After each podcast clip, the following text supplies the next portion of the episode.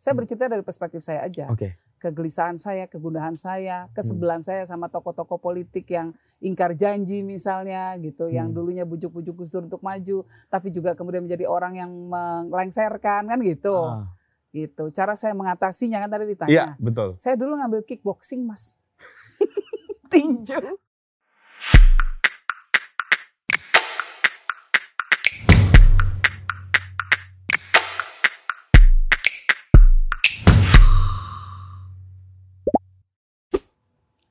Halo teman-teman, ketemu lagi dengan saya Putu TA, Kepala Suku Mojo dan sore yang mendung ini tapi semilir lah anginnya. Kami seluruh kru Mojo datang ke sebuah tempat yang menyenangkan untuk menemui Mbak Yani Wahid. Assalamualaikum Mbak. Waalaikumsalam warahmatullah. Mbak, ini Selamat sebetulnya datang. tempat apa sih ini? Ini, eh, ini ada mulai Peace Village sampai posta apa? Pojok, Pojok Taraman. Taraman gitu. Apa sebetulnya tempat ini? ini cuma sekedar tempat apa ya? Ini mungkin tempat inkubasi banyak gagasan. Awalnya tuh begitu mungkin ya. Hmm. Jadi Mas Faris kan dulu di UGM suami saya. Jadi Ya. kan Jogja selalu menjadi tempat istimewa buat dia. Pasti. Nah, kemudian ya kebetulan dia ada tanah, eh, kita bikin rumah lah awalnya. Hmm. Tapi lama-lama kemudian kita berpikir kehadiran kita di sini gimana ya bisa agak manfaat sedikit gitu. Jadi Ah, kebetulan saya punya program dengan yayasan saya namanya Peace Village. Iya. Peace Village itu adalah sebuah program yang saat ini sudah mencakup 30 desa di Oke. empat provinsi Ah, di mana kita mencoba untuk membangun ketahanan di tingkat desa, resiliensi Hmm. gitu ya. eh, dengan menggunakan tiga pilar. hmm. Yang pertama pilar ekonomi, Oke. yang kedua pelatihan tentang eh, kebinekaan, penghormatan terhadap Oh. keragaman, Iya, iya. toleransi Iya, iya. gitu. Yang ketiga penguatan perempuan. Hmm. Nah, program ini bekerja sama dengan PBB, badan PBB yang namanya UN Women. Oke. Gitu. Jadi Hmm. sudah berjalan selama beberapa tahun di banyak desa di empat provinsi di Indonesia. Nah, di sini Nah. berarti kantor pusatnya gitu. Enggak juga kantor pusat tetap Jakarta. Tetap Jakarta. Cuma karena kita kebetulan di Jogja, kemu- kemudian Jogja juga menjadi salah satu eh, village, menjadi desa damai. Peace Oh. village kan desa damai Iya, gitu ya. Jadi salah satu desa damainya di Jogja di desa di desa Sidoarjo. Ini Desa paling paling sini. bontot ini, paling Oh. bungsu.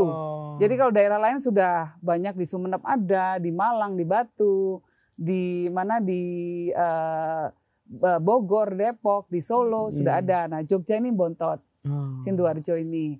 Kebetulan juga tempat ini kemudian menjadi tempat yang eh, kalau kita sering datang tamu-tamu, terutama tamu-tamu asing, dubes dan lain sebagainya ya, Iya. eh, mereka ya ke sini lebih enak juga gitu. Nah itu Peace Village. Nah di Oke. situ ada banyak kita eh, menampung banyak aspirasi, aspirasi masyarakat, Hmm. lalu menampung banyak ekspresi, kita mencoba menaungi eh, apa namanya, misalnya seniman-seniman lokal yang terdampak Ya, iya. eh, COVID ya, nggak sudah dua tahun nggak manggung. Iya, betul. Nah kita undang ke sini, tentu dengan prokes, masuk Hmm. dites dulu, Nah, kalau negatif boleh, Hmm. kalau positif suruh pulang, kira-kira gitu kan. Nah terus manggung di sini, ya supaya inilah, ya kita sama-sama saling memperhatikan. betul. Itu cuma gitu aja sih. Terus Iya, kemudian ada eksperimen-eksperimen Mas Faris juga. Misalnya dia sedang mengembangkan yang namanya local beef. Ya, jadi daging lokal supaya kualitasnya ketika sudah diolah itu tidak kalah dengan daging impor. Bisa nggak? Bisa. Hmm. Itu mulai dari cara eh, apa namanya motongnya, terus ada yang namanya aging gitu ya, Agingnya, proses ya. agingnya Hmm. gitu sehingga rasanya manis sekali. Oh. Kita udah bikin blind test, blind testing, testing apa Oh, iya. namanya? buta. Testing Nggak- buta nggak artinya nggak dikasih dikasih tahu tahu, ya. ini ya piringnya Ya. chef-chef gitu diundang, suruh ngerasain gitu ya. Dua piring beda-beda yang satu eh, daging impor, satu daging lokal. Oke. Ternyata pada milih yang lokal. Oh gitu ya. Heeh, jadi dari situ kan kemudian kita bisa membantu petani, Hmm. Peternak maksudnya. itu ini- ini intervensinya kita. dari mulai makanan, input mulai makanan. dari mulai dari input makanan pasti gitu, Hmm. tapi juga ketika penyembelihan. Oh. Gitu kita bekerja sama dengan UGM, Hmm. eh, apa namanya peternakan UGM Iya, salah iya. satunya gitu. Nah ini pojok taraman ini adalah semacam apa ya? Uh, ini tempat eksperimennya. Sudah jadi etalasenya ini. Oh, Oke. Jadi di sinilah daging-daging itu kemudian dipersembahkan, disajikan ke publik, Hmm. dibuka untuk umum supaya ada sustainabilitas atau kesinambungan kan kira-kira gitu. Nah, di sini juga menggunakan bahan-bahan yang di sourcingnya dari petani-petani lokal Di resto di ini. resto ini. Oke. Dijamin kalau udah pernah makan di sini pasti balik. Jadi lengkap banget dan luas banget saya lihat tadi ya. Saya maaf baru pertama kali datang ke sini. Oh itu Wah. sih pelan-pelan ya mas, Hmm. pelan-pelan awalnya juga nggak gitu. Terus Mulai terlihat- desa. Terkenal tuh waktu banyak perupa, banyak musisi ya yang datang ke sini gitu. Iya, iya. Jadi kebetulan waktu itu juga perupa-perupa mungkin juga sama ya mereka kehilangan ruang untuk berekspresi selama pandemi banyak banyak pihak ya. Hmm. Lalu kemudian kita undang untuk melukis bersama. Hmm. Ya sebetulnya hanya sekedar untuk kan pernah ada masa lockdown. Betul. Kita nggak bisa ketemu siapa pun, hanya keluarga kita. Kita nggak bisa keluar rumah. Ya. Nah, dalam masa-masa ketika sudah nggak ada lockdown lagi, ketika nggak ada ppkm, itu kita Hmm. undang mereka, kita ya sekedar bergurau, makan-makan, melukis bareng, Melukis bareng. gitu. Dan itu Mm-mm. sepertinya ini ya ikut juga apa ya menambah gairah Mbak Yeni Wahid ya untuk kembali ke hobi lama. Karena kan dulu hobinya gambar juga kan. Iya dulu, dulu. Karena saya dulu kuliahnya S1-nya desain grafis, Desain grafis di Eh, eh. Trisakti kan. Trisakti, iya. Sekarang masih Mbak ngelukis-ngelukis. Se- Sekali-sekali, Hmm. sekali-sekali. Malah nyanyi ya sekarang ya. Saya sebetulnya baru sekali ini melukis. Kalau dulu saya suka nyeket. Oh. Nah, kalau saya pas lagi bosen, waktu dulu kan kalau ikut Gus Dur nih, Iya. ke mana-mana ya, ke luar negeri Iya. gitu. Terus suka bosen pertemuan, apalagi pertemuan multilateral gitu kan. Kadang-kadang yang, di, yang diomongin gitu kan sama kepala-kepala negara itu kan, ya begitu-begitu aja. Kita udah Nah. tahu lah kira-kira eh, ininya lah eh, poinnya mereka kita sudah mengerti gitu ya. Eh, Kan suka bosen, tapi kan mereka harus membacakan dulu tuh eh, statement dari negaranya hmm. itu kan bahasa-bahasa formal dan lain sebagainya. Saya suka bosan, saya suka gambar, sketch, menyeket wajah. wajah para Hmm. kepala negara di sana gitu. itu di ruangan dikumpulin nggak Mbak? Hah? Dikumpulin nggak? Ada yang saya kasih ke mereka, Oh. ada yang eh, ada yang masih di saya juga. Ya. Misalnya Hugo Chavez, Oh. kebetulan di buku. Hmm. Jadi sama beliau ditanda tangan, dikasih tulisan gitu bahasa Spanyol Oke. gitu. Dan itu belum pernah dipamerin ya? Ah, nggak usah malu. Terus ada, saya pernah lucu deh kejadiannya. Waktu itu saya lagi nyeket. Oke. nyeket gini kan lagi nyeket gitu. Yang saya sedang sket itu waktu itu adalah perdana menteri Thailand namanya Chuan Lek Pai. Oke. Saya lihat tuh gerakannya dia kok kayaknya juga nyeket nih orangnya gitu kan. Beneran nih gitu kan udah iya nih kayak dia nyeket gua nih. Aku nyeket dia. Dia nyeket saya kelihatannya begitu. Begitu selesai pertemuannya, saya datang ke tempat dia. Saya tinggal gusur bentar saya lagi ke tempat dia. Dia juga datang ke tempat saya. Bener, dia nyeket saya, saya nyeket dia. Oh, terus ditukar. Ya tuker-tukeran. Tukeran. Itulah lucu ya. Eh sebentar, tuker-tukeran nggak ya? Eh, iya kayaknya tuker-tukeran ya. Tuker-tukeran, iya. Iya. Mungkin itu kali pertama ada anak seorang presiden yang dalam pertemuan penting nyeket ya. Udah bosen, nyatet udah banyak. Ini sama aja nih poin ini. Mbak Yeni, saya mau balik se- sejenak ke satu fase di mana Anda lulus dari FSRD Trisakti kan langsung bekerja sebagai seorang jurnalis. Iya. Jurnalis beneran ini teman-teman. Karena meli- meliput di daerah-daerah konflik dan di media yang sangat terkenal ya. The Herald Morning, The Sydney Morning The Sydney Herald. Iya. Morning Herald. Mm-mm. Di Timur Timur saat konflik di Aceh. Aceh, gitu. Iya. Eh, Ke mana-mana lah begitu. Nah, kemudian di fase selanjutnya tiba-tiba gitu ya. Alam menghendaki mendampingi Gus Dur menjadi seorang presiden. Gitu. Iya. Itu eh, keba- pertama kebayang nggak Mbak? Waktu itu Gus Dur akan menjadi seorang presiden. Enggak. Enggak kebayang. Makanya waktu eh, begitu Gus Dur diumumkan sebagai pemenang, mungkin nggak tahu ada fotonya apa enggak. Saya begini, nggak nyangka. Kita semua di gedung DPR kan. Ini beneran nih gitu. Terus nggak nyangka. Dan saya kemudian harus berhenti dari pekerjaan juga gitu. Iya. Saya bilang sama bos saya, I'm sorry gitu, saya nggak bisa masuk hari ini gitu. Saya, saya sudah jadi udah- putri serang Ya, presiden. Bapak saya baru kepilih jadi presiden. Susah nih sekarang gitu. Jadi Nah itu kan sekarang- berarti jumping activities ya. Terus aktivitasnya langsung melompat ke satu aktivitas yang sama sekali berbeda gitu. Apa fase apa yang paling menarik dari seorang jurnalis yang turun eh, di daerah-daerah yang eh, ya konflik, da- ya liputan-liputan yang menantang gitu, tiba-tiba mendampingi seorang presiden yang notabene adalah seorang eh, ayah sendiri gitu. Jadi kan menjadi jurnalis itu menjadi orang yang berada di luar arena. Kita menonton, Hmm. tapi kita punya kewajiban untuk menggali kebenaran dan kemudian menyajikan kepada eh, apa orang yang membaca atau melihat ya, ya, dan saya waktu itu kar- karakter dari koran kami juga investigatif.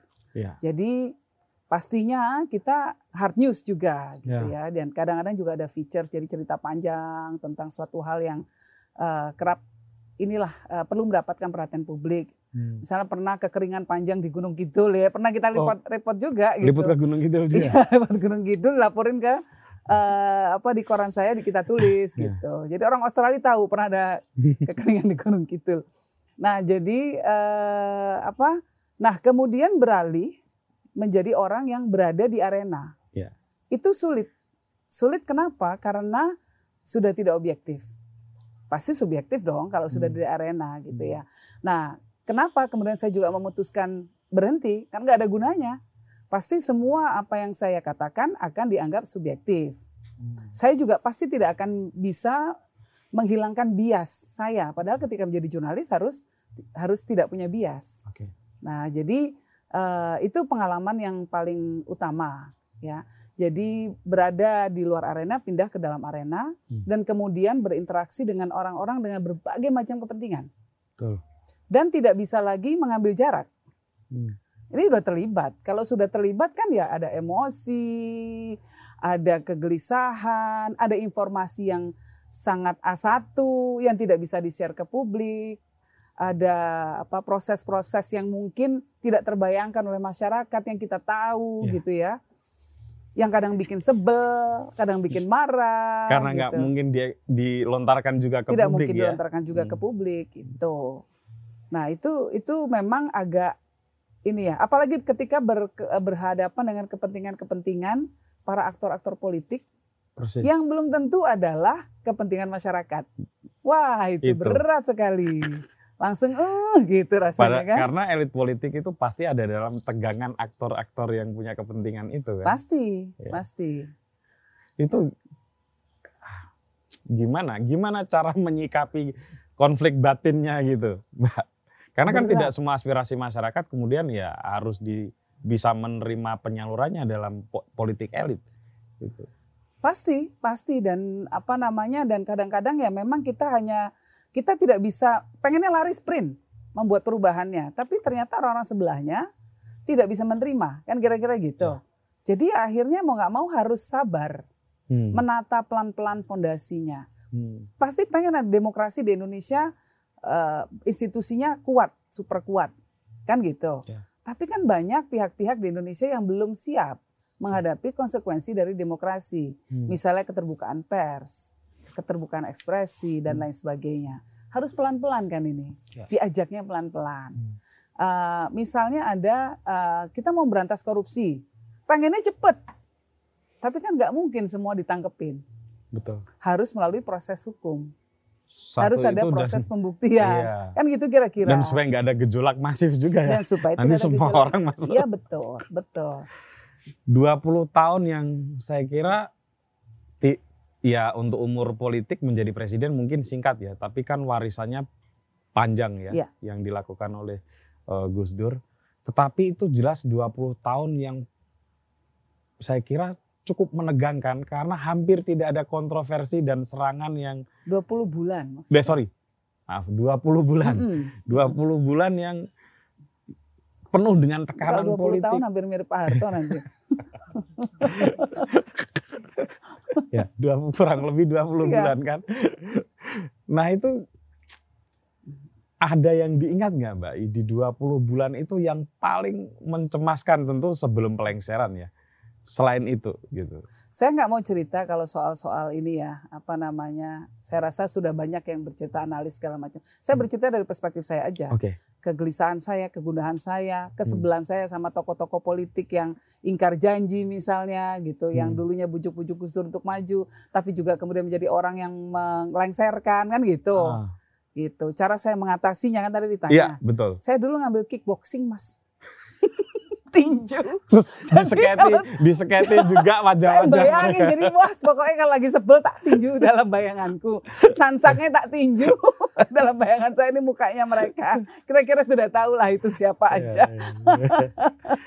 Tapi juga Gitu. tidak membayangkan bahwa Gus Dur akan secepat itu juga lengser waktu itu Mbak Yeni. Kitanya nggak membayangkan Gus Durnya kayaknya udah tahu. Udah tahu ya.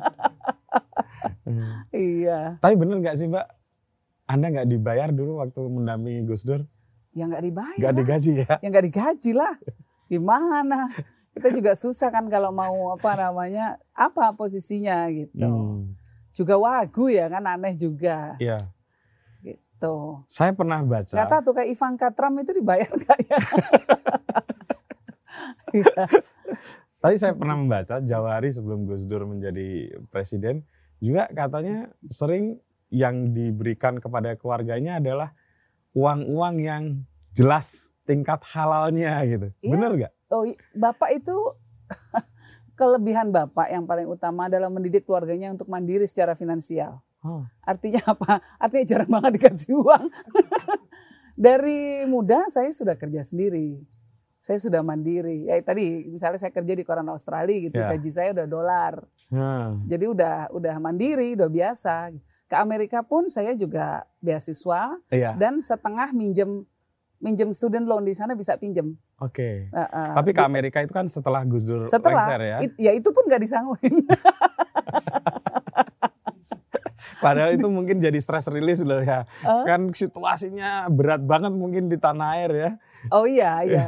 Tapi artinya kalau kita bicara soal soal finansial, Hmm. memang Gus Dur itu orang yang seperti itu. Tapi banyak orang yang kemudian datang ke kita dan cerita, wah dulu anak saya tuh di rumah sakit, saya kesulitan bayar. Lalu kemudian saya pergi ke Jalan Keramat Raya, kantor bapak kan, kantor PBNU. Terus Kata Gus Dur, iya ada tunggu-tunggu sebentar gitu. Nanti saya balik lagi. Saya seminar dulu. Oke. Nah, pulang dari seminar, uang honor se amplop-amplopnya dikasih langsung. Dan ternyata kata orang-orang ini gitu ya, itu sampai ke sen-sennya persis sama dengan yang dibutuhkan untuk bayar rumah sakit. Nah, kayak gini-gini kan ya sudah beyond Iya, iya. nalar, Hmm. sudah di luar nalar buat saya. Jadi saya kita sudah menerima. Hmm.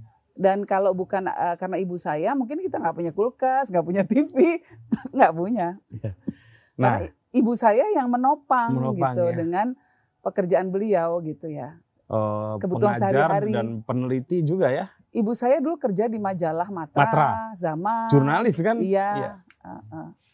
Itu mungkin nggak banyak orang yang tahu bahwa Bu Sinta Nuria itu sebenarnya dulu jurnalis, Iya. pengajar juga. Iya. Kalau iya. nggak salah S1-nya di Sunan Kalijaga ya. Iya betul, betul. Nah, ada satu fase ibu itu kan sampai jualan permen, bikin dan jualan permen. Itu ngalamin nggak? Eh, Saya masih bayi. Masih bayi ya? Itu di Jombang. Di Jombang. Di Jombang, jualan Hmm. kacang, jualan es, sama bapak berdua.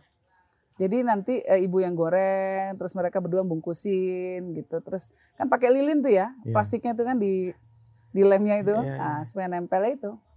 Itu, Itu, mereka lakukan berdua. itu kan kayaknya nyaris tidak bisa dipahami ya Mbak. Anak dan cucu seorang kiai besar gitu ya. Pendiri pendiri dan terah terah eh, keluarga besar NU gitu, pendiri NU juga jualan kacang gitu.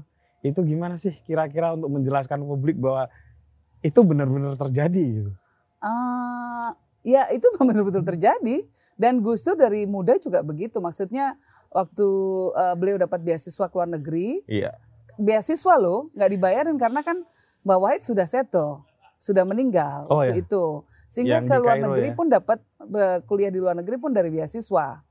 Nah kemudian eh, beliau untuk menopang hidup ya ya kan kerja macam-macam, kerja di laundry, kerja tukang mecah batu dan lain sebagainya. Itu kan sudah dilakukan. Jadi kami memang tumbuh dalam keluarga yang eh, mengutamakan apa ya kemandirian dan tidak malu untuk melakukan pekerjaan apa pun asal halal. Jadi biasa aja buat kami itu ya biasa nggak nggak ada yang aneh.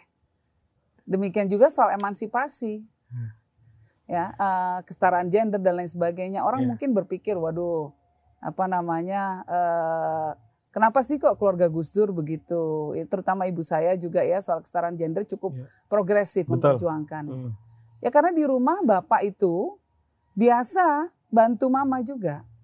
Hmm. Pokoknya kalau pas di rumah dan bisa ini dibantu bapak biasa. Cuci kita lihat bapak cuci piring itu biasa. Dan bahkan ketika saya bayi, ibu saya eh, cerita kalau si bayi Yeni ini nangis, yang bangun dari tempat tidur ngambil bayi ini dari boxnya untuk diberikan kepada ibu saya untuk disusui, ya Hmm. bapak. Ibu saya tiduran aja, nanti bapak yang bangun ngambil bayinya, berikan ke mama, disusuin, ntar dibalikin lagi gitu. Oke. Jadi sangat sangat apa ya, sangat egaliter, sangat setara dalam berbagi peran domestik. Nah, apalagi kalau di Indonesia kita kan beruntung ya, kita Hmm. punya yang namanya asisten rumah tangga. Iya. Tapi kalau misalnya mereka berdua nggak punya asisten rumah tangga, beban rumah tangga pasti dibagi berdua. Betul. Nah itu membuat, jadi buat saya nggak ada yang aneh dengan konsep kesetaraan gender karena sudah dilakukan di rumah nggak pakai teori, langsung praktek. Langsung gitu. praktek ya. Mm-mm. Udah dialami sejak kecil begitu. Betul. Eh, Nah sekarang polanya berulang dengan suami saya kan. Iya, ah. Mas Faris juga gitu ya, sering masak. Dia yang lebih pintar masak dibanding saya kan. Iya. Kalau saya masak kan pasti orang cuma bilang masya Allah gitu hasilnya. Masya Allah tanpa berani mengekspresikan. iya. Iya. Yang mungkin juga bikin penasaran banyak orang nih, Mbak Yeni ya. Eh, kalau seorang kiai, seorang ulama besar gitu ya, mendidik anak laki-lakinya kan jelas. Gitu. Hmm. Tapi kalau mendidik seorang anak perempuan tuh biasanya bagaimana? Dan di keluarga Mbak Yeni itu bagaimana? Terutama mendidik ilmu agama. Sama aja sama yang lain disuruh ngaji juga. Hmm. Kalau nggak mau ngaji ya dicubit. Kan kira-kira Oh, gitu ya. Kalau sama Cuman nggak di ya. pesantren ya, karena Kita ya eh, kita eh, apa namanya kita di Jakarta sudah Di Jak- diboyong semua ke Jakarta tapi setiap libur harus ke pesantren hmm, gitu dan sambil ma- apa nangis-nangis karena lihat temennya libur ke mana ke mana kita harus dikirim ke Jawa Timur pasti ke Jombang Jadi kayak short gitu. course gitu ya, iya tapi setiap libur setiap libur ya. iya Hmm, dari kecil Rata-rata di Jombang. iya pasti di Jombang gitu Ah. dititipin ya di keluarga di Jombang ya belajar ngaji macam-macam di sana Kalau yang ngajarin ngaji, kalau nggak salah kalau di rumah lebih banyak ibu ya. ibu Hmm. mama iya Eh, Nyebutnya mama ya. Iya mama, Hmm. ha-ha. untuk ini ya, untuk eh, mungkin untuk fikih ya. Hmm. Nah, kalau bapak lebih ke arah ini lebih eh, filosofi gitu ya, Hmm. filsafat Islam, sejarah itu. Tapi nanti setelah agak lebih umurnya lebih besar kira-kira. Nah, eh, apa di pesantren yang model kemudian orang-orang dengan putrinya yang tidak hidup di sebuah pondok pesantren dengan yang eh, tidak tinggal di pondok pesantren itu biasanya dibedakan nggak sih, Mbak? Nggak tahu ya, kalau saya kan mungkin mungkin orang lain akan membedakan. Tetapi kami ini saya sulit menilai orang. Oke. Perlakuan yang berbeda. Kami selalu pasti akan mendapat. Kami kan orang yang punya privilege di Indonesia. Hah, Karena anaknya Gus Dur. Oke. Pasti akan diperlakukan berbeda. Hmm. Kan memang masyarakatnya seperti itu. Jadi nggak bisa menilai. Ah. Nah, tapi mungkin untuk yang lain bisa berlaku ada perbedaan. Hmm. Anak kiai yang nggak usah anak kiai an- yang yang mondok di pesantren sama yang tidak mondok di pesantren kan pasti mungkin juga eh, secara apa ya nasab keilmuan bisa Iya. berbeda. Ikatan, ikatan historis juga berbeda. Hmm. Kalau alumni Tebuirang pasti punya eh, apa sih ya esprit de corps lah kira-kira Iya. kalau ini yang berbeda dengan eh, misalnya eh, alumni Lirboyo dan lain sebagainya. Jadi ya ya beda aja mungkin gitu. Nah, saya mau bertanya itu karena mau masuk ke pertanyaan yang agak sensitif ya, Mbak ya. Di satu sisi Mbak Yeni dan eh, keluarga biasanya diposisikan sebagai Islam liberal dalam tanda kutip begitu ya. Hmm. Tapi di sisi yang lain misalnya seperti kasus ketika banyak orang membuli kemarin itu kasus anak-anak kecil yang menutup telinga waktu Hmm. mau divaksin justru eh, Mbak Yeni bersuara cukup lantang bahwa kita harus menghormati mereka gitu. Nah hal-hal kayak gitu tuh garis demarkasinya seperti apa sih? Seharusnya nggak ada garis demarkasi menurut saya karena Hmm, memang kami eh, di ya karena itu ya setiap liburan pasti ke Jombang di rumah juga ngomong bahasa Jawa juga ngaji Ya. jadi kami sangat eh, kuat dengan kultur cukup mengenali cukup bisa memaham sangat memahami kultur pesantren kul- kultur eh, apa namanya masyarakat santri lah kira-kira Iya, gitu ya iya. masyarakat yang lebih religius Hmm. nah ada ekspresi-ekspresi agama yang memang ekspresi agama jangan dimaknai sebagai sebuah eh, penindasan atau sebuah eh, hal yang apa ya seolah-olah mereka tuh tidak menghargai menghargai kehidupan modern bukan seperti itu gitu bukan mereka radikal problemnya bangsa ini kita ini kan sekarang gampang sekali memberikan memberikan label Ya. memberikan judul ke orang lain betul. ya kan ini radikal ini kafir Ah. ini apalah ya tapi kategorinya kan dua itu kategori besar itu Ya. nah tapi ini tren bukan cuma di Indonesia sih Ya. tren ini di mana-mana gitu Dan di, bukan hanya Islam ya. bukan hanya Islam. Di kalau di Amerika gitu ya, saya cukup akrab dengan kehidupan sana atau di Eropa lah. Sama ya, itu Kristen ya di basis sininya kan Judeo Christianity di sana Ya. kulturnya ya. Sama di Amerika juga sama orang yang Kristen garis kerasnya itu juga sama. Hmm, hmm. Michelle Obama itu pakai baju lengan nggak pakai lengan itu dicerca habis. Dianggap tidak tidak Kristen, Hmm. tidak cukup Kristen Tidak cukup. gitu. Nah, jadi eh, kemudian soal anti vaksin misalnya, Hmm, kita melihat bahwa ada yang namanya vaksin hesitancy kan, Ya. keraguan-keraguan untuk melakukan vaksin. Nah. Itu di mana sih? Ternyata rata-rata ada di daerah-daerah yang super religius. Di mana aja tuh? Ya, misalnya bisa di Aceh, tapi bisa juga di Papua, Betul. gitu. Hmm. Nah, kalau di Amerika, walah setengah penduduknya nggak mau vaksin. Nah, kalau di Eropa sekarang kayak di mana kayak di eh, Jerman dan lain sebagainya, lagi naik semua kan Betul. COVID-nya karena Iya. apa? Level orang yang divaksin cenderung lebih rendah Lebih rendah. daripada Indonesia misalnya. Iya. Orang Indonesia kan malah jauh lebih patuh. Pada pemerintah, jauh lebih punya nalar lah Hmm. gitu ya. Asal di dan ada kerjasama Hmm. antara banyak pihak untuk mengedukasi masyarakat. Sehingga edukasi itulah yang membuat masyarakat oke saya vaksin deh gitu. Iya. Atau rasa kadang-kadang rasa tidak enak sama tetangganya gitu itu juga kalau di Indonesia kan. Ya bisa jadi. Tetangganya bisa udah jadi. vaksin semua, dia belum kan Betul. merasa risih sehingga secara sosial ya sudahlah vaksin. Iya, iya. Karena kalau nggak vaksin Hmm. Itu sulit. Di luar negeri boleh nggak nggak vaksin? Boleh. Tapi Hmm. apa yang terjadi? Nggak boleh ke mana-mana. Nggak bisa ke pasar, nggak bisa ke mall, nggak bisa nggak bisa ke mana-mana sama sekali. Hmm. Yuk di rumah aja. Di Singapura itu nggak boleh ke mana-mana. Di Eropa sama.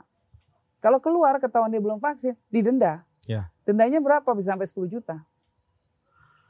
Nah, balik lagi ke soal keluarga nih Mbak. Ya, Sejak kecil atau ada nggak sih perasaan terbebani sebagai oh, anak dari seorang tokoh bernama Gus Dur? Hmm, kalau masih kecil sih nggak terlalu ya. Paling wa- awal-awal sih cuma mikir, ya ampun banyak banget sih tamunya bapak nih nggak ada hari nggak ada tamu gitu. Dan Iya. kemudian bapaknya suka pergi gitu ya. Lebih ke arah itu. Ya.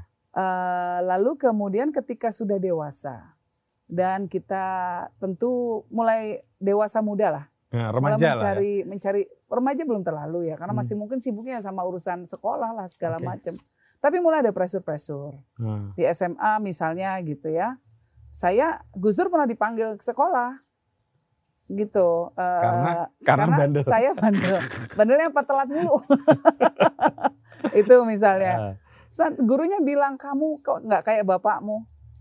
Maksudnya, Hmm. cie gitu. Jadi udah mulai tuh pressure-pressure SMA. ah. Kuliah nggak ada yang tahu, Oh nggak ada yang ada tahu. yang tahu. Karena di Trisakti ya. Baru terakhirnya waktu itu ada demo-demo apa saya ikut-ikutan langsung Iya. terdeteksi oh anaknya Gus Dur Ah, gitu. Saya jadi wartawan pun tidak terlalu banyak orang yang tahu karena kan waktu itu belum sosmed orang nggak tahu juga anak betul. Gus Dur kayak gimana, keluarga kayak gimana. Hmm. Paling bisik-bisik di antara anak wartawan gitu. Hmm. Narasumber nggak semuanya begitu. Dan eh, saya karena bekerja untuk media asing terbiasa menanyakan pertanyaan yang agak pedes Hmm. gitu. Yang waktu zaman Orde Baru nggak boleh kan? Iya. Nah itu ya biasa aja nanti baru narasumbernya tahu "Oh, anak Gus Dur. Tapi rata-rata nggak tahu. beban itu beban semacam beban sosial. Kalau beban eh, politik gitu ya, kan tekanan terhadap Gus Dur itu sebetulnya sudah mulai lama terjadi ya, ketika beliau menjadi running untuk menjadi ketua PBNU. gitu. Nah tekanan-tekanan politik itu juga sudah biasa dialami. Baik biasa banget. Eh, pernah sebulan kita menerima ancaman di rumah gitu ya. Jadi telepon berdering, hello, eh, kita mau bakar rumah kalian, gitu-gitu itu biasa kayak gitu. Hmm. Ah, ah. Jadi biasa. Tapi menurut saya itu yang membentuk karakter kita semua. Oke. Ya. Dan eh, apa namanya ini bicara dari tadi soal Gus Dur ya. Ya. Tapi yang membentuk kami itu bukan cuma Gus Dur, tapi juga ibu saya Ibu, ya. ya. Ibu saya itu figur yang sangat kuat sekali. Jadi eh, ketika beliau kecelakaan, ya Itu kece- sorry mbak, saya potong ya. Itu pas kecelakaannya yang pas bareng Gus Dur nggak sih? enggak, Beda ya? seharusnya bareng Gus Dur tapi nggak bareng- jadi. ya. Oh iya iya. Nah, beliau kecelakaan itu itu kan langsung lumpuh ya. Iya. Nah itu kan hidupnya berubah. Nah, Betul. nah waktu itu beliau sedang eh, ngambil S2 Di nah, UI, di ya? UI. Ya. Kemudian di sana itu gedungnya rusak, sehingga eh, liftnya rusak, sehingga kalau mau naik ke Hmm. atas nggak bisa, padahal pakai kursi roda. Tapi ibu tetap tetap tiap hari datang ke sana, ya karena beliau berpikir yang butuh ini kan saya, yang butuh ilmu saya bukan UI. Saya nggak bisa nunggu. Tiap hari ditandu pakai bambu di atas kursi plastik ditandu ke atas. Nah, jadi kalau ada ada gium di belakang orang hebat selalu ada juga pasangan yang hebat ini berlaku untuk ibu saya dan bapak saya. Iya. Nah, jadi eh, kekuatan kami dibully dan lain sebagainya, bapak dibully dan lain sebagainya itu dimitigasi oleh kekuatan ibu. Hmm. Bagaimana Sebagai seorang yang sangat sabar, Iya. Orang yang eh, sangat apa ya? eh, beliau tuh kan kuat sekali tirakatnya. Iya, puasa Dari- tiap hari kayaknya. Berasa tiap hari Puasa dari tiap dari hari. muda Dari gitu muda. ya. Dikirnya juga panjang. Hmm. Itu kan kemudian menimbulkan apa ya? eh, rasa keikhlasan ya. Kita berserah kepada Allah Subhanahu wa taala gitu bahwa apa pun yang terjadi ini sudah kita jalani saja. Yang penting niatnya untuk membuat kebaikan. Stres nggak? Stres. Keluarga pasti yang paling stres. Hmm. Tetapi karena adanya dua sosok ini yang sa- yang begitu ikhlas gitu menerima apa adanya gitu ya, eh, garis tangan gitu yang diberikan, tapi tetap kokoh memegang komitmen untuk mengabdi pada masyarakat, ini sumber kekuatan kami. Dan di zamannya itu Ibu Sinta kan sudah sangat progresif pandangan-pandangannya soal gender ya Mbak ya. Eh, ibu kan juga belajar, ibu cerita dulu waktu di pesantren belajar kitab Kudulujen gitu ya tentang eh, apa kitab yang dipakai untuk eh, menggam- bukan menggambar mengajarkan tentang relasi antara suami dan istri. Nah, beliau di situ kemudian berpikir ya Allah kok jadi perempuan gak enak banget sih gitu. Ya, terus? Di situlah kemudian mul- kenapa harus begini jadi perempuan kok susah gitu. Kemudian beliau mulai berguru, mulai eh, apa namanya banyak diskusi dengan ulama-ulama yang memang juga salah satu concernnya tentang kesetaraan gender. Ya, jadi kemudian beliau mulai eh, apa namanya eh, menggeluti isu itu, Hmm. gitu. Mulai Ini termasuk tokoh pertama perempuan Islam ya yang menggeluti dan Nggak juga. menyuarakan nggak juga. Kalau Oh. luar negeri banyak. di di Indonesia. Di Indonesia nggak juga sih sebetulnya Ah. banyak. Cuma mungkin profil ibu yang jauh lebih menonjol. Ya. Ya gitu dan, dan kemudian juga latar belakang beliau dari pesantren ya dari kecil dari pesantren Eh, pesantren bacaan kitabnya juga kuat. kuat sehingga membuat eh, analisa menjadi lebih dalam gitu ya sehingga mampu melakukan dekonstruksi gitu beberapa kitab yang dijadikan eh, apa namanya pegangan dan kemudian dicoba di, di, di rekonstru- kontekstualisasi Ya. dalam konteks zaman gitu Hmm. Eh, konteks zaman yang saat ini ya konteks Ya. zaman berbeda Kalau misalnya kayak Mbak Yeni, ini kan termasuk agak jarang ya di Indonesia, maksudnya dari darah biru NU, tapi punya pergaulan yang sangat kosmopolit gitu. ya. uh, di berbagai belahan dunia gitu Iya, ya. insya Allah. Eh, menurut Anda dengan banyaknya pergaulannya dan tetap membawa keislaman di dalam diri Anda, sebetulnya Islam di Indonesia itu dekaden atau sebetulnya sudah mengalami dinamika yang cukup menarik? Gitu. Menarik ya, jadi apa yang dikatakan teman saya, orang Saudi, Hmm, Apa yang tentang dikatakan? Muslim di Indonesia. Ya. Kata mereka orang orang Islam di Indonesia itu sangat religius. Jauh lebih religius dibandingkan orang Saudi. Hmm.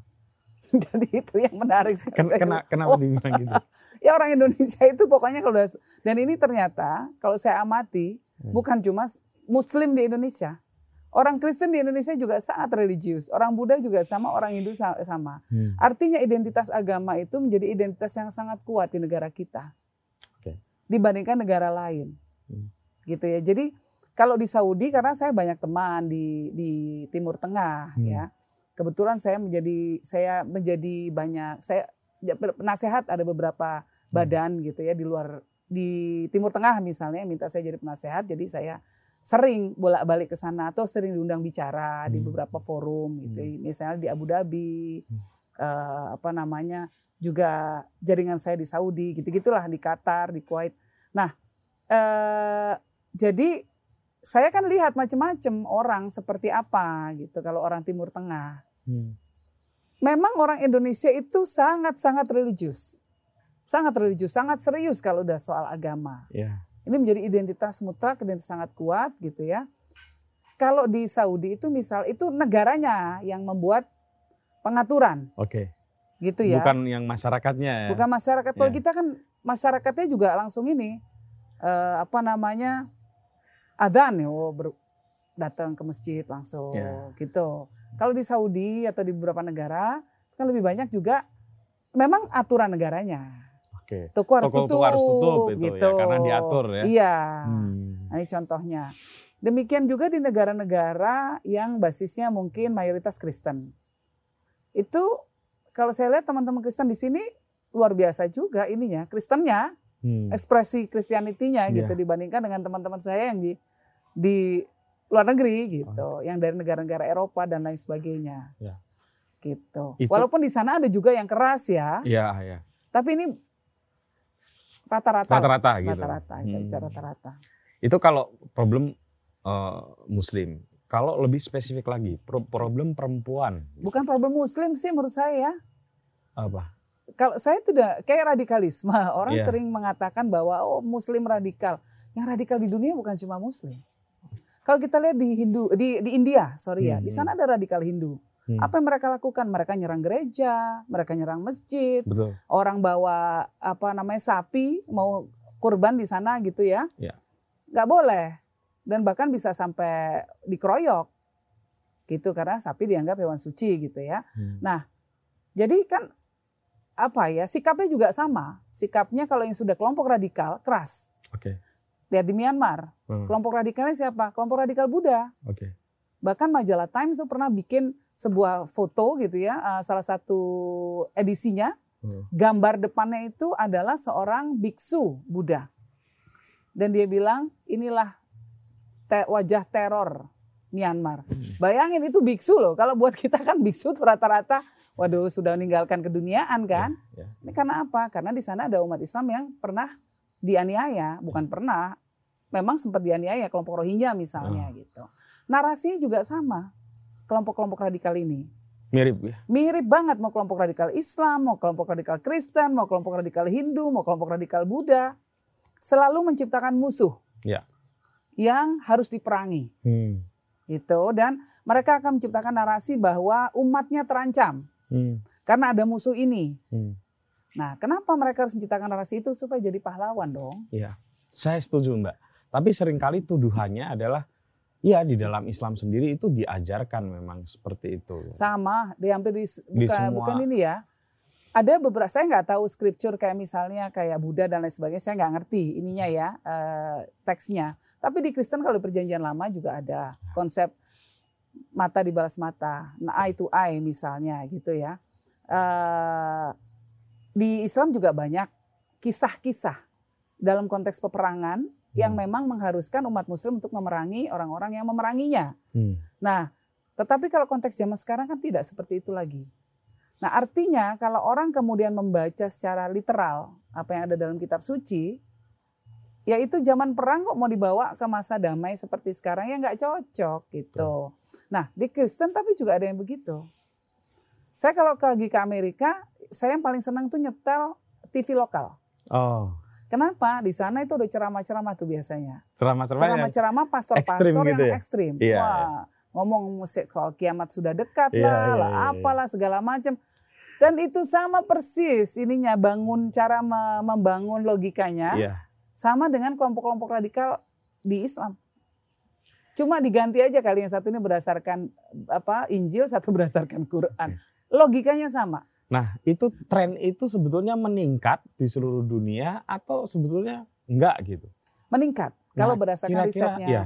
Risetnya White Foundation juga ya? White Foundation bikinnya ke skala Indonesia. riset- Skala Indonesia. Tapi kalau skala dunia Pew Research, Oke. Pew Research Center Oke. itu bisa diakses. Itu kira-kira sebabnya apa sehingga ada Hmm. tren perpecahan seperti itu atau apa ya? Ya ekstremisme Menguatnya. seperti ya, menguatnya sentimen ya, sentimen identitas, identitas ya. ya, identitas.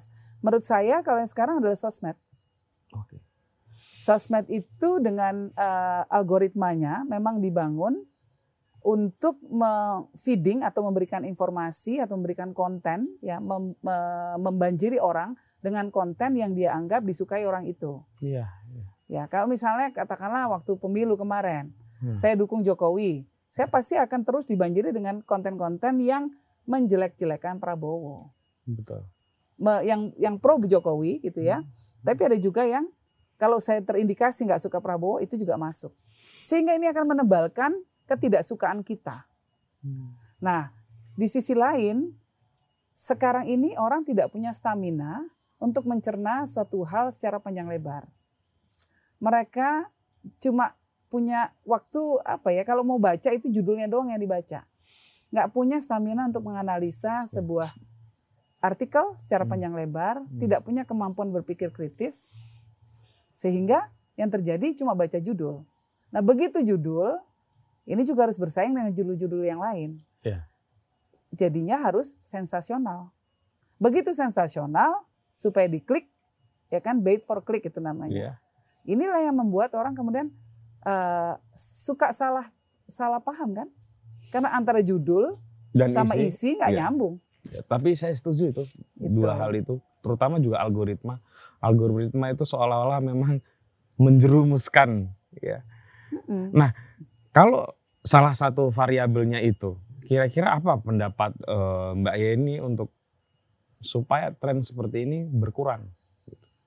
Eh, penyedia penyedia eh, penyedia penyedia sosial media harus bertanggung jawab. Hmm. Harus ada pros apa ya pressure atau tekanan terhadap mereka untuk melakukan proses mitigasi di dalam ininya sendiri, Hmm. di dalam apa namanya di dalam platformnya sendiri. Hmm. Jadi konten-konten yang bisa menimbulkan kebencian, bisa menimbulkan kecemasan berlebihan, bisa membuat rasa takut, paranoia dan lain sebagainya, Hmm. ya. Tapi yang bisa menciptakan kebencian lah terutama harus dikurasi, nggak boleh ditampilkan. Dan kalau nggak Konten salah, radikal dan lain sebagainya gitu. kalau nggak salah baru-baru ini Anda juga jadi korban ya, di apa saat ulang tahun yang Oh. memakai itu apa? Baju malefis. Iya. Gimana sih Mbak ceritanya Mbak? Dan sekaligus ya klarifikasi lah. Oh, klarifikasi. Jadi kan saya pas ulang tahun Ya. akhir Oktober. Ya. Nah, apa namanya? Eh anak-anak kan selalu maunya pakai kostum, mau pakai kostum. Kalau ulang tahun mereka suka pakai kostum. Ya, oke. Misalnya tema, sesuai tema. Soal tema. Kadang ada eh, kostumnya SpongeBob, Ya. kartun. Ya udah SpongeBob. Kostum apa eh, tema dinosaurus. Ya. Ya dinosaurus. Ada temanya Harry Potter, lagi Hmm. suka gitu. Ya Hmm. udah pakai Harry Potter gitu-gitu kan. Oke. Nah, eh, pernah kita coba apa begitu? Superheroes. Wah, ya udah ya pada pakai baju Superman lah, pada pakai baju apa segala macam. Saya sama Mas Faris pakai kaos Superman sama Wonder Woman gitu-gitu kan. Ya. Nah, waktu ulang tahun saya juga begitu. Pakai kostum mama, kostum mama. ya udah oke gitu.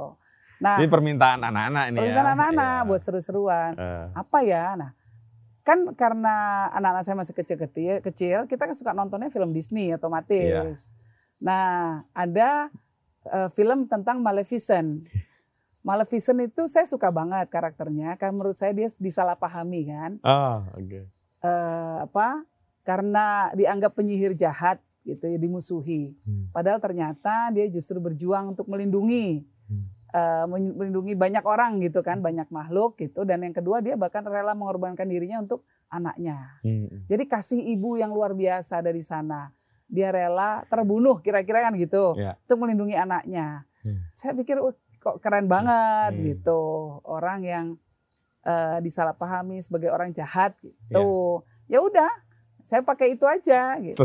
Terus kenapa Terus, bisa? Wah langsung jadi di jadi bulan-bulanan katanya wah terutama ini ya dari kelompok-kelompok yang kalau saya lihat ya dari ini dari HTI lah segala macam wah hmm. langsung ini iblis ketahuan nih iblis lah gimana tuh bu nggak pernah nonton film ya begini ini langsung bisa menghakimi uh, tapi biarin aja menurut saya sih orang kalau memang sudah ingin menghakimi ya itu problem dia.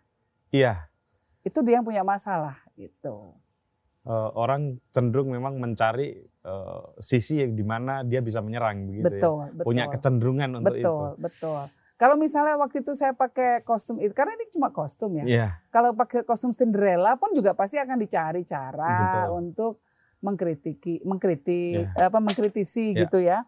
Jadi mungkin dibilang wah ini barat lah apa segala gitu ya udahlah. Gitu. Tapi merasa nggak sih Mbak Yeni itu termasuk orang yang selalu diincar dalam tanda kutip untuk dicela? Ya gitu. Iya karena saya gampang ini kan, mau soal jilbab lah, segala macam saya ngomong apa pun selalu komennya terakhirnya yeah. jilbabnya dibenerin dulu ya elah yeah. kayak nggak ada nggak punya alat lagi untuk menyerang tapi buat saya bagus juga Artinya mereka tidak punya alat untuk menyerang gagasannya. Oke. Okay. Isu yang dipakai nyerang ya tetap aja soal jilbab. Bukan soal gagasan saya. Saya bicara soal kripto, saya bicara soal macam-macam. Diserangnya cuma soal jilbab. Oh ya berarti orang ini kan nggak berpendidikan. Kan gitu Kelasnya gitu aja. Segitu. Kelasnya cuma segitu ya udah. Iya. Nggak penting juga diperhatikan. Kan kira-kira begitu jadinya. Hmm. Jadi kira-kira itu uh, pesan saya buat orang-orang yang mau membuli saya soal jilbab. Sekarang piknik deh ke Riyadh sana. Di Riyadh nggak banyak yang pakai kerudung aja enggak sekarang udah. di Kuwait ya, di Kuwait juga banyak saya dengan pejabat pemerintah, menteri perempuan yang nggak pakai jilbab, rambutnya bagus dari salon begitu. Uh, apa namanya Qatar juga sama. Jadi saya pikir ya, yang orang-orang yang nyerang saya memang kurang piknik kalau kurang piknik mau gimana? Ya. Kita mau ngasih taunya. Kurang piknik dan mungkin kurang mengikuti perdebatan satu objek ilmuwan ya. Iya, ya. iya, iya. Nah, eh, di saya balik lagi ke Peach Village ini. Hmm. Sebelum ke Peach Village, eh, orang ini Mbak di keluarga Gus Dur ini orang kalau saya sih mungkin tahu dan teman-teman ya. Ada yang Gus Durian, ada yang Wahid Foundation. Kadang-kadang nggak bisa membedakan. Nah di sini mungkin bisa di di apa ya dia diklarifikasi. Apa bedanya yang Wahid Foundation dengan Gus Durian? Kan oh, dua-duanya itu, itu identik aja sih ya. identik ya? dengan Gus Dur dua-duanya. Iya, hmm. iya. Institusi aja uh, maksudnya White Foundation itu memang uh, yayasan yang saya dirikan bersama dengan Bapak uh, waktu hmm. bapak masih ada hmm. uh, dan dimaksudkan untuk meng, uh, meng, apa ya, institusionalisasikan ya. gagasan Gus Dur, mencatat, menyebarkan gitu ya dan mencetak orang-orang uh, baru kemudian yang bisa terus menyebarkan gagasan ini, okay. mengimplementasikannya di masyarakat gitu. Sementara kalau Gus Durian adalah... Kalau Gus Durian itu memang uh, dibentuk setelah Gus Dur wafat. Iya. Dan uh, gunanya untuk mewadahi banyaknya animo masyarakat ya hmm. yang ingin yang merasa atau mengidentifikasi diri hmm. mereka sebagai orang yang memegang nilai-nilainya Gus Dur. Nah. Dan kemudian melakukan kegiatan-kegiatan di masyarakat. Jadi ya sama aja lah menurut saya. Sama ya. Iya, Artinya ya, sebetulnya sebetulnya di Indonesia ini saya kira kok agak baik-baik saja dalam konteks itu. Karena apa? Karena gagasan-gagasan Gus Dur banyak sekali yang menyukai dan lestari gitu diikuti makin banyak makin bagus. Hmm. Cuma yang nggak boleh adalah jangan dipakai untuk apa ya jualan macam-macam atau untuk nyari keuntungan pribadi kan Iya, itu aja. iya, iya. Makin banyak institusi yang menyuarakan gagasan dan pemikiran Gus Dur, kami makin senang. Ya. Tapi ya itu jangan dipakai untuk ancik-ancik politik, Iya. kira-kira kan gitu. Oke, nanti saya akan bicarakan deh yang itu. Jangan dibuat bargaining Iya, gitu, dukung siapa, dukung siapa gitu. Nah, di Peach Village salah satu pilarnya tadi Anda bilang adalah soal perempuan. Mm-mm. Apa nih isu perempuan yang paling merisaukan Mbak Yeni? Eh, kalau di Indonesia salah satunya kan kekerasan terhadap perempuan masih sangat tinggi. Oke. Ya, kedua kemudian tentu kalau eh, konteks dunia sampai sekarang masih ada ketimpangan ya dalam hal pemberian ruang bagi perempuan untuk berekspresi di ruang publik. Hmm. Nah, juga ada persoalan beban ganda yang disandang perempuan. Beban ganda di keluarga. Beban ganda di keluarga. Oke. Artinya ada keluarga-keluarga yang membolehkan perempuan untuk aktif di luar rumah, tetapi beban domestik tetap, Tetap. menjadi kewajiban perempuan. Padahal kalau pekerjaan-pekerjaan domestik ini kemudian dihitung secara finansial, Ya. ya, misalnya nyuci piring, Oke.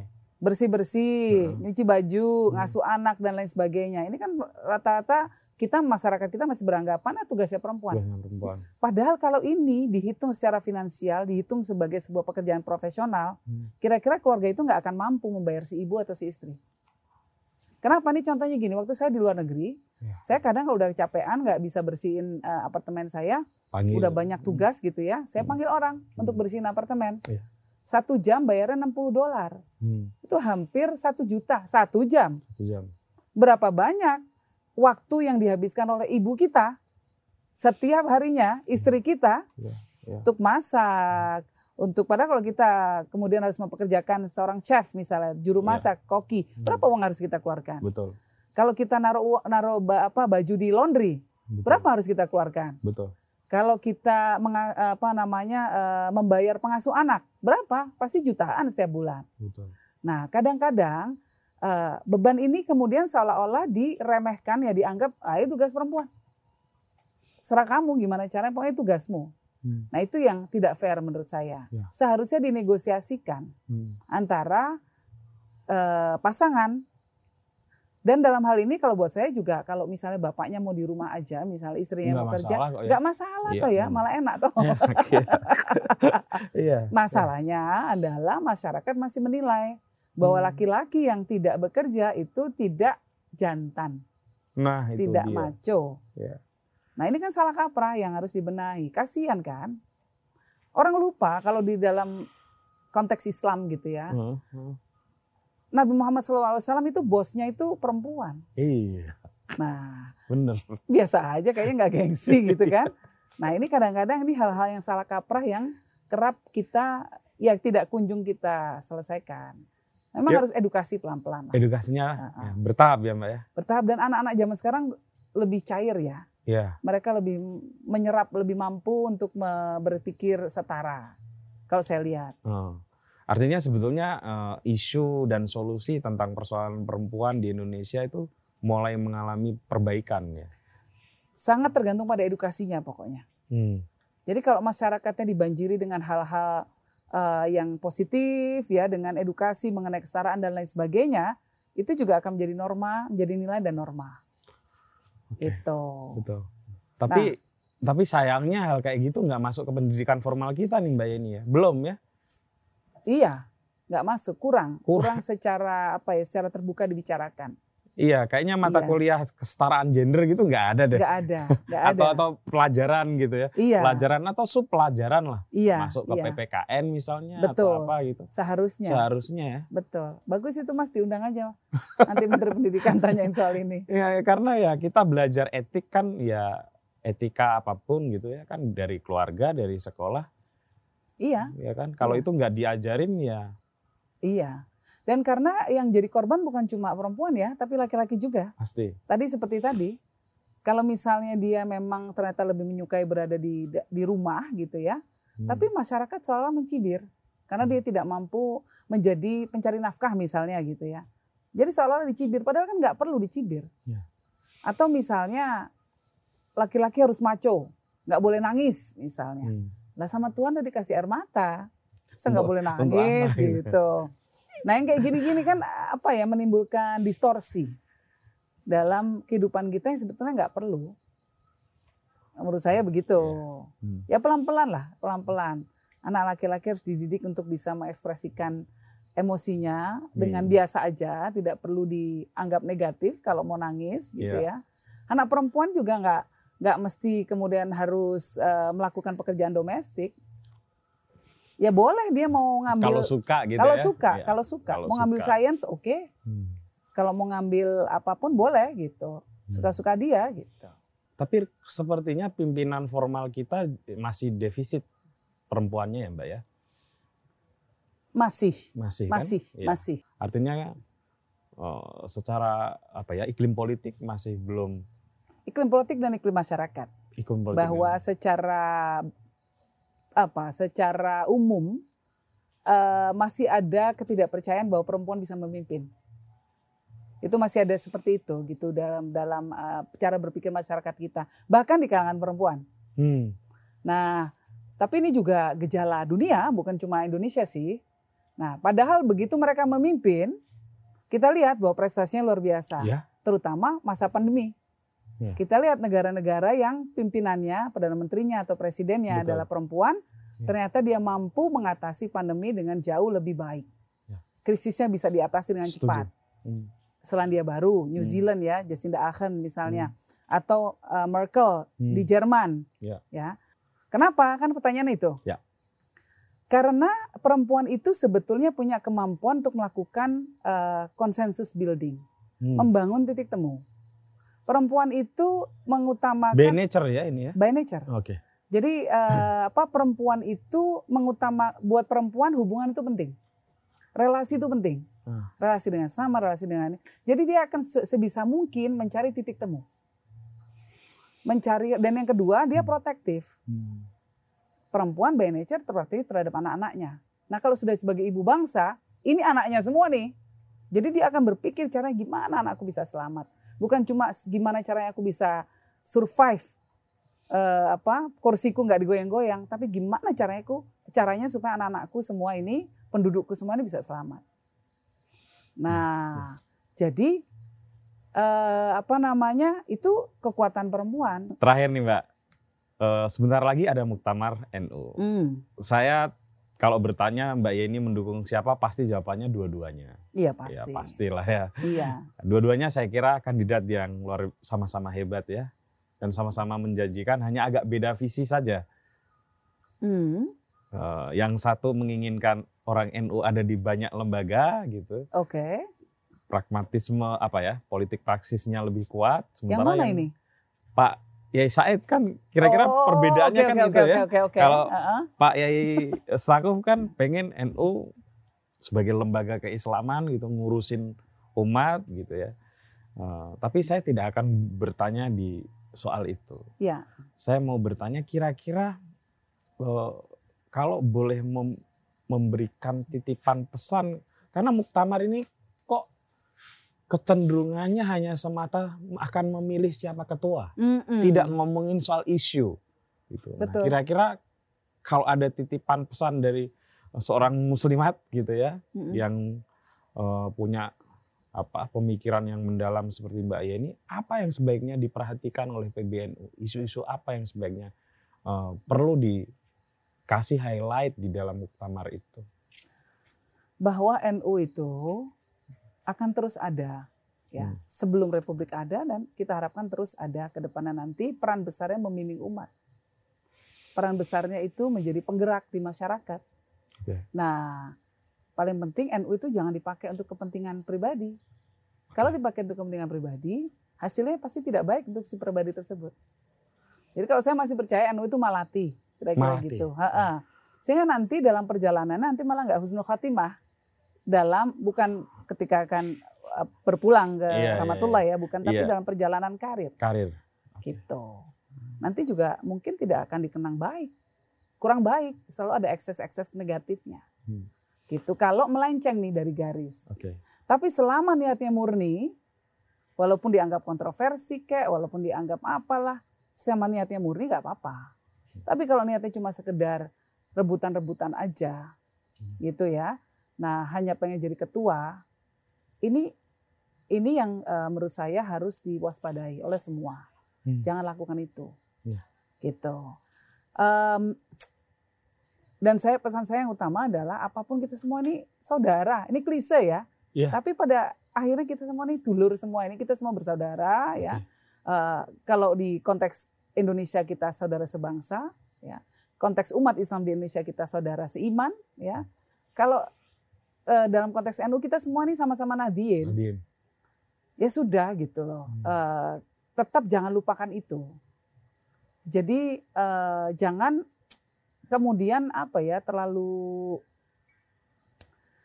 terlalu mengedepankan nafsu pribadinya. Karena tampaknya yang, ini mengeras ya. Betul, betul, betul. Apalagi kalau udah politik masuk, ikut campur yeah, dan yeah. lain sebagainya gitu ya. Jadi uh, kita semua juga bisa. Memang sih kalau NU ditunggangi bisa mengantar orang-orang untuk macam-macam segala macam. Pasti. Tapi secara rosok dapat ini enggak? Dapat apa ya? Dapat penghormatan enggak di masyarakat? Hmm dan itu bisa membuat NU makin terdegradasi, terdegradasi dalam degradasi betul betul jadi harus ingat kenapa tujuannya NU itu didirikan ya gitu. Konon asasinya harus diikuti harus bersatu ini loh. Ini kan paling utama itu. Hmm. Mbak Hashim itu salah satu uh, apa namanya ayat yang disitir itu adalah tentang persatuan. Hmm. dan harus dijaga terus. Itu kira-kira. Pertanyaan yang sama nih. Terakhir banget nih ya. kalau ini. 2024 tapi sebetulnya tahun politik kita bukan 2024 2023 iya. Karena 2024 itu kan Februari kalau nggak agendanya nggak ada pemunduran kan sudah pemilihan presiden. Sebentar lagi artinya 2023 kan kandidat sudah mulai diumumkan. Iya. Pertengahan tahun artinya satu setengah tahun lagi. Iya. Kan waktunya cukup pendek gitu ya. Iya. Eh, kita selama ini masih mikir soal profil saja. Siapa yang cocok, siapa yang elektabilitasnya bagus dan lain-lain. Tanpa pernah berpikir soal agendanya apa sih. Hmm, hmm. Menurut Mbak Yeni, apa agenda yang penting yang di, sebaiknya diperhatikan oleh mereka yang nanti atau mungkin juga nanti Mbak Yeni hmm. juga ya masuk dalam uh, running uh, elektoral itu. Iya. Apa Mbak? Kalau saya itu kan ada tiga isu besar mas yang akan ya. dihadapi oleh umat manusia. Ya. Yang pertama itu disrupsi, ya disruption. Okay. Yang kedua environment, yang ketiga emotion. Ini kira-kira gitu. Jadi okay. disrupsi, lalu tentang ekologi, ekologi. yang ketiga tentang emosi. Hmm. Setiap pemimpin akan menghadapi tiga tantangan ini. Disrupsi apa sih? Mulai dari disrupsi teknologi yang akan membawa perubahan besar dalam cara kita hidup. Contoh gampangnya nih, perkembangan teknologi akan membuat uh, ada yang namanya driveless cars jadi hmm. mobil ya, nggak ya, pakai supir. supir Apa yang akan terjadi terhadap setengah juta lebih atau satu juta lebih pengemudi ojol? Betul. Itu mau diapain? Hmm. Nah ini kan mesti segera dipikirkan. Karena Belum ini kan lagi pendapatan 10 simnya. tahun loh ini. Ya. Pasti akan sudah kejadian. Betul. Setuju. Nah, yang kedua, disrupsi yang diakibatkan oleh pandemi. Kita okay. punya sistem seperti apa yang kita bangun untuk menghadapi ketika ada krisis diakibatkan pandemi seperti ini? Sebab ada kemungkinan besar pandemi seperti ini akan menyusul ada lagi kan? Itu tidak terelakkan. Iya. Kenapa? Karena masyarakat kita sekarang global. Yang namanya pergerakan manusia dari ujung dunia ke ujung dunia lain ini sangat bebas. Naik pesawat, naik mal, itu kan cepat banget.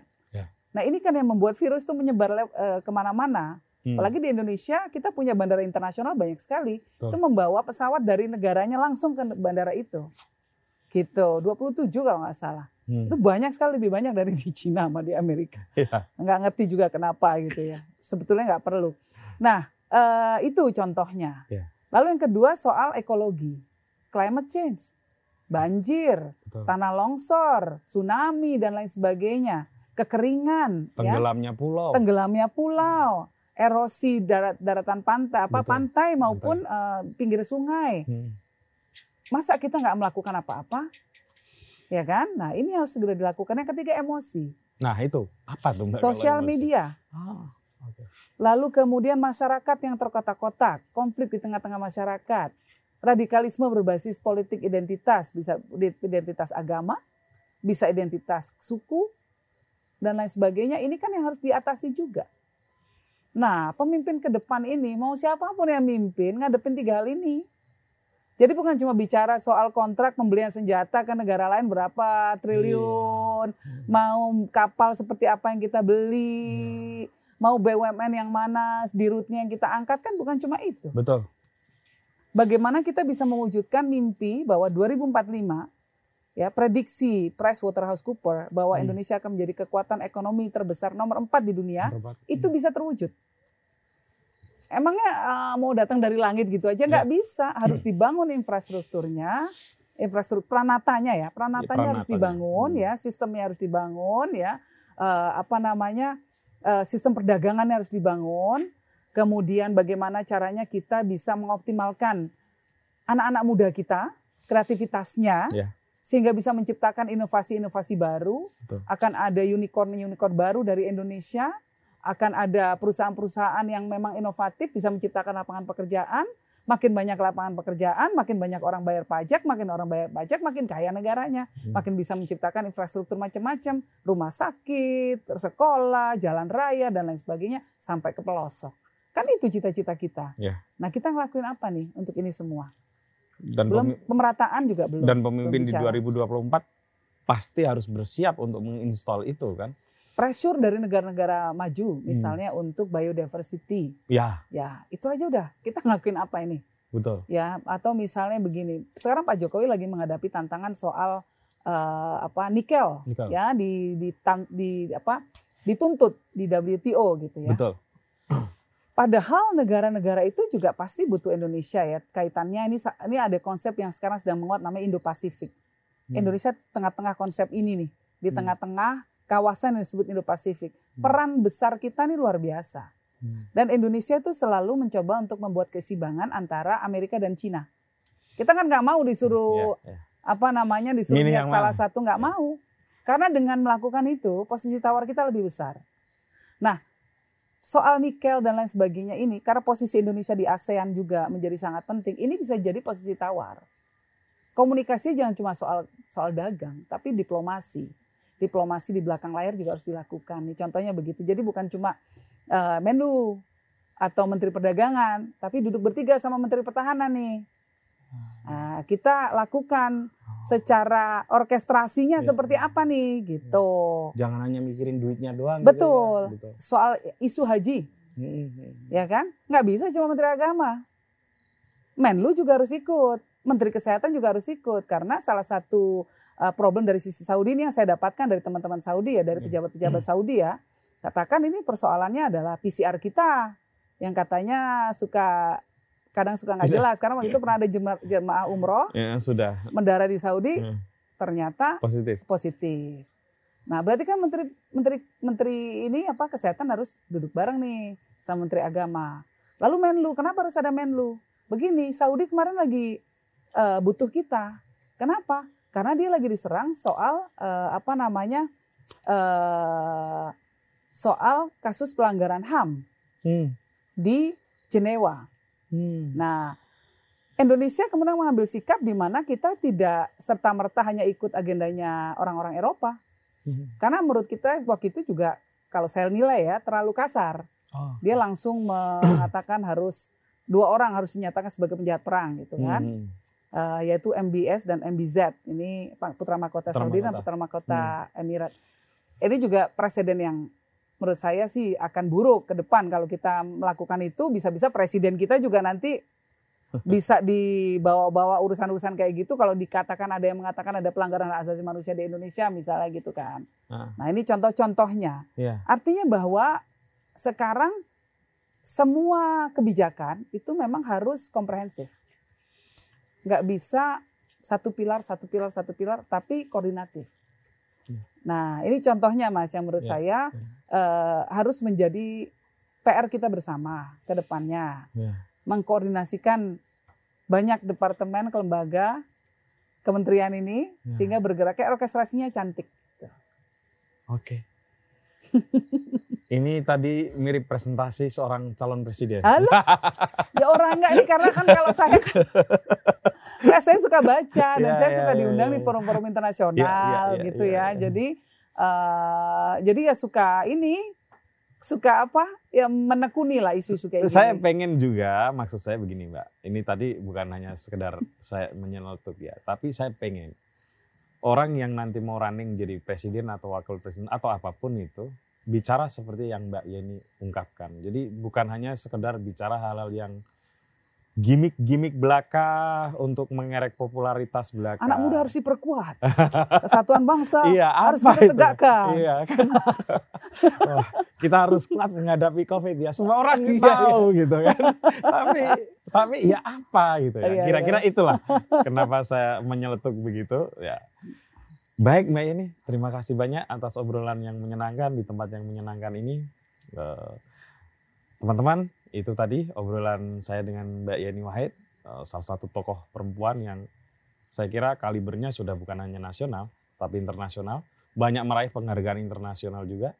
Dan ketemu lagi dengan tamu saya selanjutnya. Interlokal mas, bukan internasional. Matur nuwun. Matur nuwun.